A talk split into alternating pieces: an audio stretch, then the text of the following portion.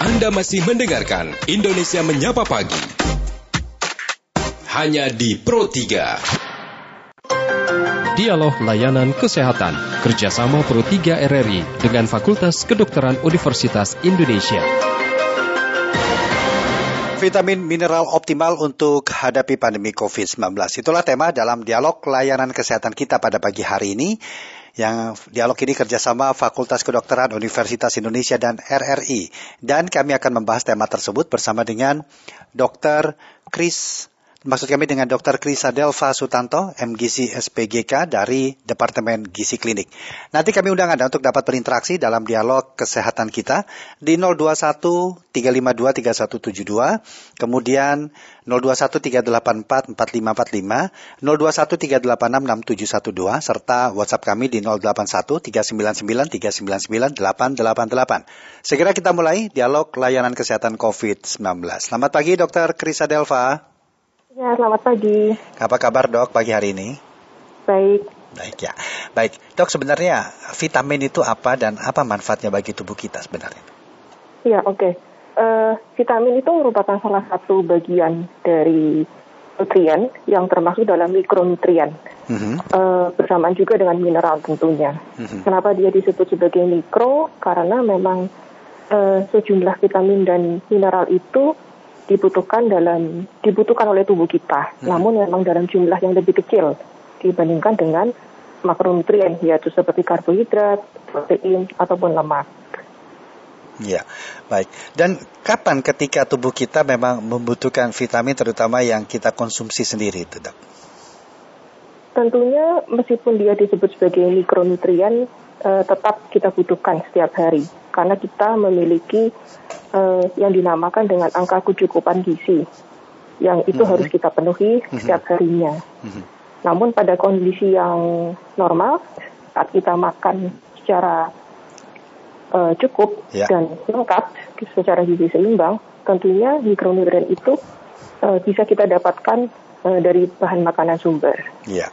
Baik, dok kan banyak sekali dok ya vitamin yang ditawarkan saat ini bahkan beraneka namanya juga fungsinya menjanjikan hal-hal yang tentunya dapat meningkatkan uh, fungsi tubuh kita. Ada nggak kita bisa mengetahui vitamin apa sebenarnya yang cocok bagi kita yang memang kita butuhkan? Ya, kalau kita bicara mengenai vitamin, uh, tentunya vitamin itu banyak kita dapatkan dari sayur dan buah. Oke, okay, ya. ya. Uh, apakah uh, vitamin yang kita butuhkan? Okay. Kalau kita ketahui bersama sebenarnya semua vitamin tentunya tentunya kita butuhkan. Yeah.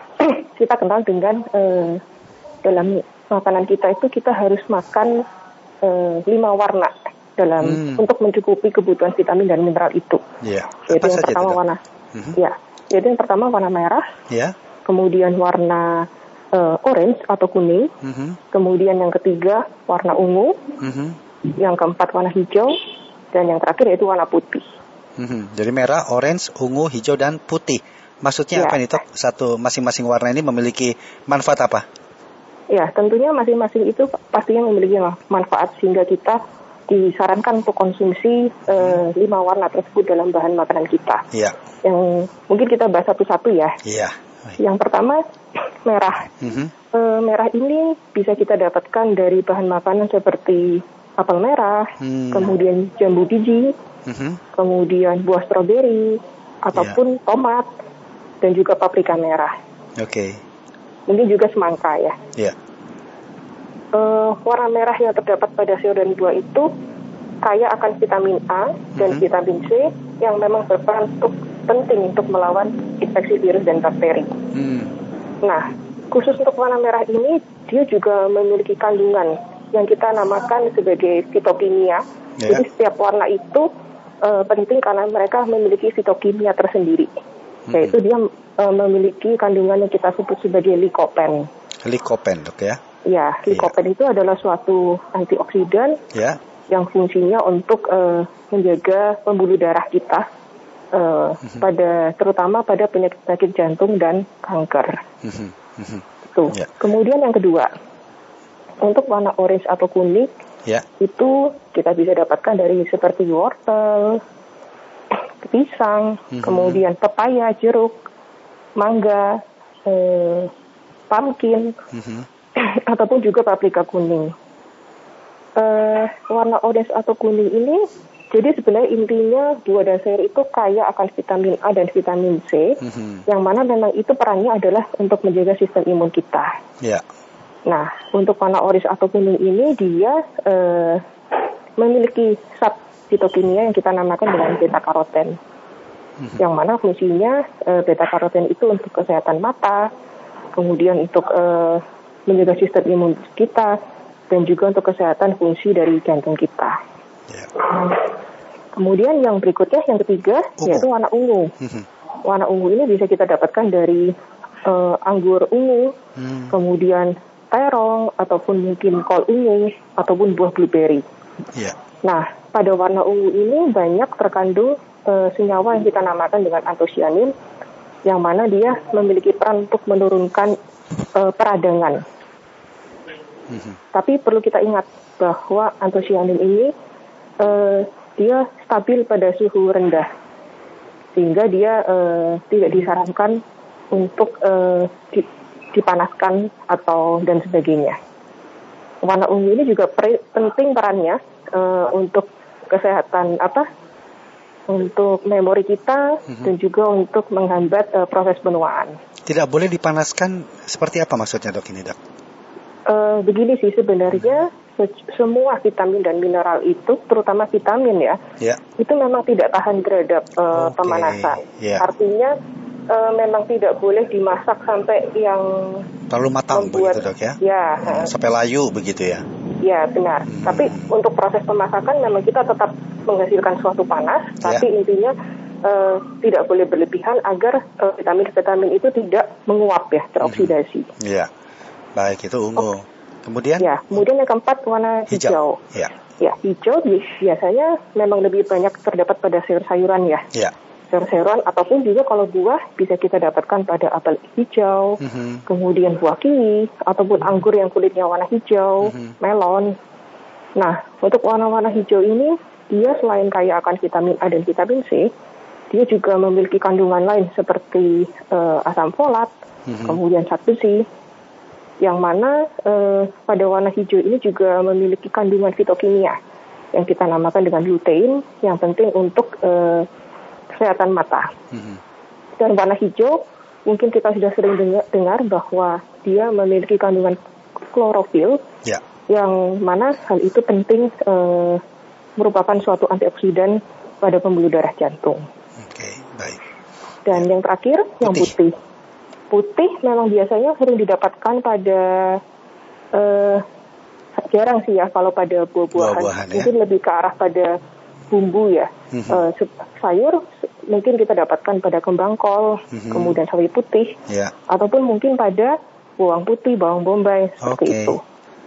Nah, kandungan putih itu juga memiliki senyawa fitokimia yang kita namakan alisin Ya. yang fungsinya untuk eh, menjaga tekanan darah kita, untuk membantu menurunkan kolesterol, dan juga dia mencegah kanker. Ya. Kira-kira untuk lima macam Warna. warna. sayur dan buah yang harus kita penuhi sehari-hari seperti itu, Mhm. dengan kita bisa konsumsi lima macam buah tersebut, Ya. tentunya vitamin dan mineral yang kita butuhkan Sangat dalam sehari ya. Akan tercukupi. Jadi nggak perlu lagi pakai vitamin-vitamin lain, cukup dengan memperhatikan apa yang kita konsumsi dok ya. Paling tidak Ya. patokannya lima warna tadi lah. Itu semua Ya, sudah betul. tercukupi ini. Nah kalau yang dimaksud dengan vitamin mineral itu apa? Apakah mereka ini yang tadi disebutkan termasuk dengan vitamin mineral dok yang terdapat pada makanan? Eh, maksudnya bagaimana? Yang dimaksud dengan vitamin uh, mineral optimal untuk hadapi pandemi ini, jadi apa yang harus yang paling tepat yang bisa kita konsumsi dok? Ya, tentunya sebenarnya asalkan kita bisa memenuhi dari makanan kita secara eh, beragam ya. Mhm. Eh, itu kan artinya beragam. Kita hanya tidak hanya makan dari satu jenis tertentu saja atau Iya. satu warna saja. Eh, itu sudah mencukupi karena sebenarnya penggunaan suplementasi Ya. vitamin dan sebagainya itu hanya dibutuhkan pada orang-orang yang memang secara medis membutuhkan tambahan. Oke. Karena eh, kalau kita tidak butuh penambahan suplementasi vitamin dan mineral, Ya.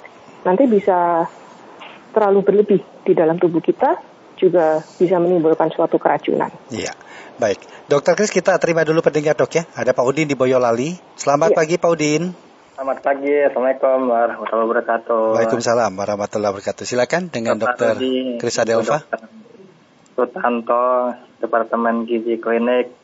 Ya, alhamdulillah saya eh, suka ngaji baca Quran udah hatam 19 kali alhamdulillah ya. Hmm, Nah, vitamin dan gizi apa yang bagus untuk mata, tenggorokan, paru, dan tulang belakang. Hmm. Karena saya sekali baca Quran satu sesi bisa 90 menit ya, itu Ya. duduk terus tuh. Demikian terima kasih. Wassalamualaikum warahmatullahi wabarakatuh. Waalaikumsalam warahmatullahi wabarakatuh. Silakan Dokter Kris mungkin ada apa tips untuk mata vitamin apa yang, yang tepat untuk mata, tenggorokan, paru?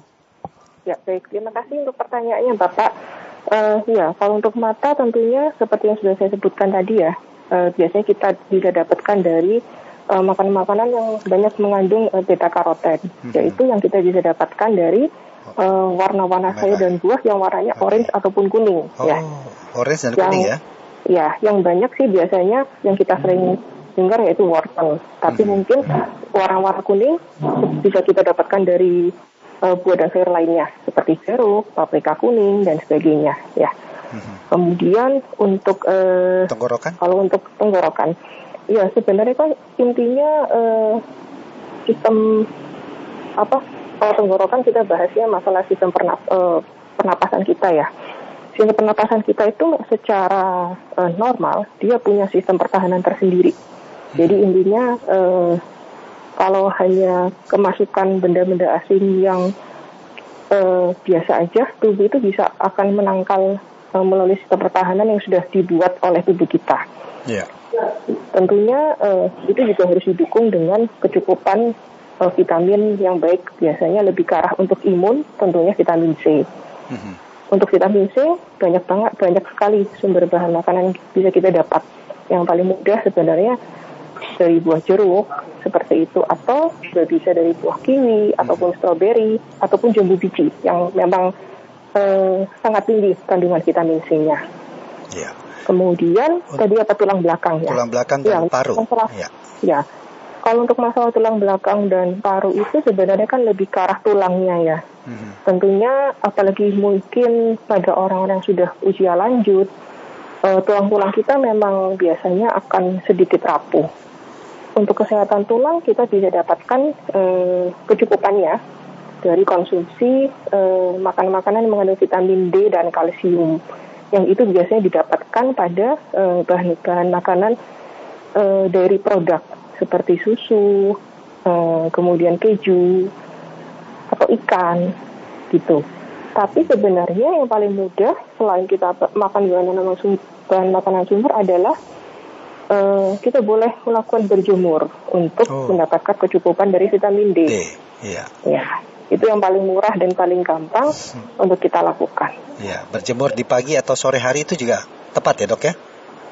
Iya, eh, rekomendasinya adalah biasanya di pagi hari sekitar jam 9 atau jam 10. Mhm. Tapi tergantung ya, karena kan semakin siang itu sebenarnya eh, jenis ultraviolet yang kita butuhkan sesuai yang kita harapkan. Tapi kita juga perlu mengingat bahwa semakin siang tentunya eh, ultraviolet yang eh, kurang baik itu juga berbahaya untuk kulit kita. Oke. Jadi memang kalau sudah lebih terik biasanya memang berjemurnya tidak dibutuhkan waktu yang lebih lama. Sedangkan kalau masih sinar mataharinya masih e, belum terlalu tinggi, Ya. itu mungkin membutuhkan waktu yang lebih lama. Dan juga untuk diperhatikan sebenarnya jumlah luas permukaan tubuhnya ya yang terkena sinar matahari. Jadi untuk orang-orang yang mungkin mengenakan baju lengan panjang, kemudian e, celana panjang, tentunya luas permukaan tubuh terhadap paparan sinar matahari itu eh, menjadi lebih sedikit sehingga itu juga akan memengaruhi durasi dari paparan sinar mataharinya. Iya. Kalau untuk paru tadi yang juga ditanyakan Pak Udin, apa rekomendasi atau yang baik dok? Iya, kalau untuk paru-paru memang selama ini juga eh, sebenarnya lebih ke arah untuk sistem imun ya. Oke. Lebih banyak sih kita selama ini berbicara, apalagi eh, apalagi di era pandemi seperti ini, memang eh, utamanya adalah eh, vitamin C sih, karena memang itu eh, senyawa uh, antioksidan yang memang berperan pada sistem imun. Namun perlu kita ketahui juga bahwa sistem imun itu tidak hanya didapat kita penuhi dari vitamin C aja. Sistem uh, apa jenis vitamin dan mineral lain yang penting untuk sistem imun juga salah satu vitamin D tadi, kemudian uh, zinc ya, seng, seng, seng itu memang kalau dari sayur dan buah uh, sangat kecil jumlahnya. Seng itu memang bisa kita dapatkan lebih ke arah dari makanan makanan-makanan yang mengandung protein hewani, terutama sebenarnya seafood sih. Hmm, itu, itu banyak itu kita dok, dapat. Ya? Iya, tapi kita perlu perhatikan juga konsumsi seafood yang berlebihan juga kita perlu hindari karena bisa menyebabkan kolesterol. Iya. Baik, dok, bagaimana kita bisa mengetahui kebutuhan vitamin kita secara gampang atau secara mudah untuk kita bisa tahu bahwa asupan vitamin yang uh, masuk ke dalam tubuh saya ini adalah sudah sangat proporsional sekali. Seperti apa itu, dok? Iya, sebenarnya uh, jadi rekomendasi dari Kementerian Kesehatan Republik Indonesia itu bahwa uh, dalam kita makan, jadi kalau kita makan kan kita menggunakan suatu piring ya. Nah, setengah bagian dari piring kita itu harus berisi sayur dan buah. Hmm. Nah, setengah bagian dari porsi piring itu kita bagi lagi menjadi sepertiga dan dua per tiga bagian. Hmm. Yang sepertiga isinya yaitu buah, buahan, dan yang dua per tiga isinya sayur-sayuran. Berapa banyak yang kita butuhkan? Yeah. Nah, untuk uh, sepertiga buah itu kurang lebih sekitar 2 sampai tiga porsi. Sedangkan kalau 2 per 3 bagian dari sayur-sayuran itu sekitar 3 sampai 4 porsi. Di mana sebenarnya satu porsi itu kita hitung sebagai sekitar 100 gram ya. Artinya sebenarnya di saat kita memilih 5 macam jenis makanan sayur dan buah yang kita bisa penuhi semuanya itu, mhm. kita bisa mencukupi sekitar eh, 400 sampai 500 gram kebutuhan vitamin dan mineral. Hmm. Secara gampangnya sih seperti itu. Seperti itu paling gampang kita patokannya dok ya untuk konsumsi ya, harian ya. Iya daripada kita hitung atau kita hmm. ukur-ukur hmm. ya. Iya. ya akan sangat sulit dan mungkin bingung paling gampang seperti itu tadi paling tidak patokannya ataupun juga uh, guidance yang tadi disampaikan lima warna itu tadilah yang bisa mewakili ya, kita untuk ke uh, asupan vitamin yang memang kita butuhkan jadi sebenarnya kita tidak perlu perlu amat dok ya untuk vitamin-vitamin tambahan yang banyak dijual bebas itu ya dok ya Iya, selama kita bisa konsumsi ya. makanan yang cukup beragam, ya. uh, tentunya penambahan itu tidak diperlukan. Baik. Karena kan sebenarnya penambahan itu diperlukan misalnya pada orang-orang yang sedang mengalami sakit, di ya. mana memang tubuhnya membutuhkan uh, asupan vitamin dan mineral yang uh, lebih tinggi, ya. seperti itu. Baik. Baik dokter Krisa Delva, terima kasih banyak dok sudah meluangkan waktu berbincang dalam dialog layanan ya, kesehatan COVID-19 dan mudah-mudahan apa yang disampaikan bermanfaat buat kita semuanya, terutama dalam masa pandemi ini dok ya. Terima kasih Oke, dokter. Baik, terima kasih. Ya, selamat ya, pagi, salam jumpa. sehat. Ya. Demikian tadi Dr. Krisa Delva Sutanto MGC SPGK dari Departemen Gizi Klinik dalam dialog layanan kesehatan COVID-19. Dan terima kasih untuk Anda yang sudah berinteraksi bersama kami dan Anda masih dapat mengikuti dialog layanan kesehatan setiap Senin sampai dengan Jumat tentunya dengan tema dan narasumber yang berbeda. Demikian dialog layanan kesehatan kerjasama Pro 3 RRI dengan Fakultas Kedokteran Universitas Indonesia. Acara ini bisa Anda dengarkan setiap Senin sampai dengan Jumat pukul 9.30 waktu Indonesia Barat.